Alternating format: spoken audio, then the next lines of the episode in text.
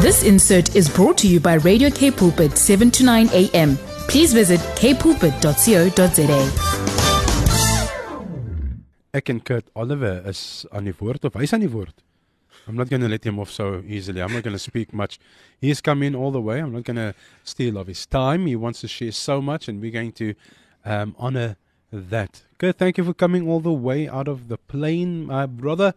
And uh, what you have to share with us is even more impressive because I know you hear from God, and uh, and you don't hold back. Good morning and welcome, my brother. Yeah, good morning, Dimitri. Good morning to all of our, our blessed listeners. It is um, the 11th of March, Yeah. and um, it is it's autumn. And we've got some good rains. Yeah. That's the news that I want to share. But there's all these other things that are going down, and people are panicking, and people are.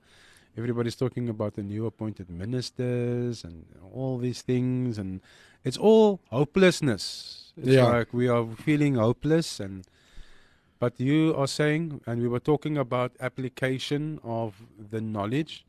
Um, but let us get the right. Let us get the right knowledge, the truth, and uh, let's apply the truth to all these lies. And that's why you're here to talk with us. Yeah, and then that's exactly what the Bible says. It's a truth that will set you free. Andy and Melinda began with that. Yeah. Uh, And so yeah, confirmation. yeah, and, and even what was what uh, Pastor Stan was speaking about this morning, and you know, I'm I'm, I'm always chuffed to to sit and listen to under the word that, that Pastor Stan releases. And while he was speaking, the you know, uh, God reminded me about something. You know, uh, Pastor Stan, the, the Holy Spirit and God's word will always be in agreement. And if if the Holy Spirit and God's word is in agreement, then something must happen. Something must happen because God's word will never return void unto him. So if we walking in truth and if we walking in, in covenant with God, then something must happen. And unity commands a blessing. Yeah, most A definitely. blessing is going to happen. Most definitely. It's not just Oh, an let's feed the ordinary. multitudes. It's Let's not go. just it's not just an ordinary bless- blessing, Dimitri. You know, it's not an ordinary blessing. Mm. And there's so so much. Yes, there's a lot of doubt. Um, there's a lot of uncertainty in, in especially within our, our country. And if you look at what's happening around the world, it's just the, the issue in Ukraine that is becoming worse because there's other countries now getting getting involved, and there's a lot of rumors that have started spreading um, all around the world. And and you know, this week God just said to me, you know, even though these things are taking place, it is only there to shift your focus. It is only there to shift your focus. Remember, there's a lot of this revival that broke loose all around the world. Um, I was sharing with Pastor Stan in a week about what's been happening in Israel, um, even here um, in in Cape Town. We still experiencing souls getting saved out on the street.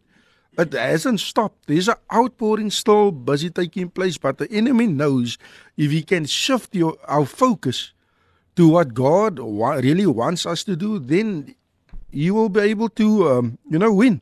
Mm. But not win in the sense where you will win God, but win in the sense where you will stop us from doing what God is asking us to do.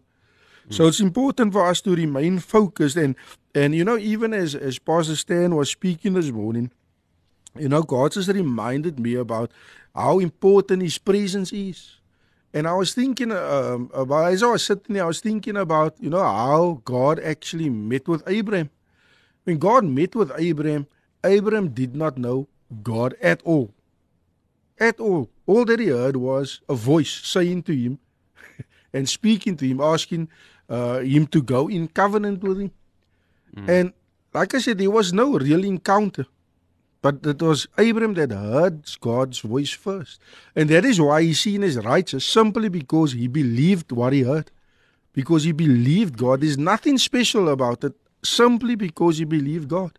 And what happened? They went into into covenant, and you know, Abraham had a, had a dream, and you know, they, they cut the covenant where Abraham sacrificed animals and all of those things. And when I was thinking about this, Dimitri, I realized something that you know, the, especially when when when um, God was speaking to Abraham, God spoke to Abraham about something that will happen f- 400 years from then. He was already speaking about his people that will be in uh, in slavery and that will be set free and things like that. Mm. Abraham did not know uh, what God was saying, but God was already uh, speaking to him with regards to the time of Moses, what will happen in the time of Moses. And when we think about it, how did the Israelites end up um, in Egypt? It was through Joseph. Through Joseph uh, and the favor Joseph had, that's how the Israelites ended up in mm. Egypt. Mm. But God sent in a Pharaoh um, to, to harden his heart, Dimitri. And I want to say, I just, I'm just sensing this is not what, all what I wanted to speak about, but I'm just sensing God. God is saying this morning that it doesn't matter what Pharaoh is in your life, God is going to use that Pharaoh to bring his true purpose to come to pass within your life. Mm. I want to say to our listeners now, you might find yourself in a situation, but God is going to use that situation for you to get to that place of breakthrough and purpose. And what happened to Moses? uh, Dimitri, Moses was uh, when Moses came on to, on on the scene, it was simply because the Israelites in the time they did not know who God was. All that they knew because they were living in Egypt, all that they knew was the gods that the Egyptians were serving. So they did not know who our God of Abraham, Isaac, and Jacob was. But what happened? God knew this when He took them out of Egypt. He realized, hey, my people do not know me. So what happened, Dimitri? He needed to go and reintroduce himself to Moses. And I love the way he, re- he reintroduces himself to Moses. He says to Moses, but he introduces all his covenant passes. I am the God of your ancestors. I am the God of Abraham, who God made covenant with. Uh, the God of Isaac, who God made covenant with. The God of Jacob, who God made covenant with. And to me, this was so remarkable because when God reintroduced himself unto, unto Moses, he needed to do it through an encounter. He needed to do it through encounter. What happened? God had to hide Moses within the cliff of the rock.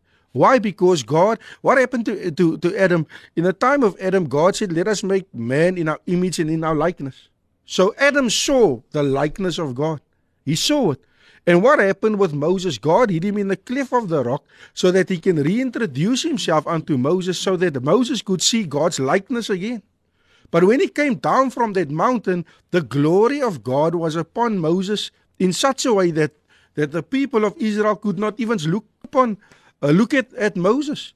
And to me, this is so, so outstanding, Dimitri, because even when, when he gives uh, Moses the instruction to build the tabernacle and all of that stuff, but it was simply because, Dimitri, God wanted to dwell amongst his people.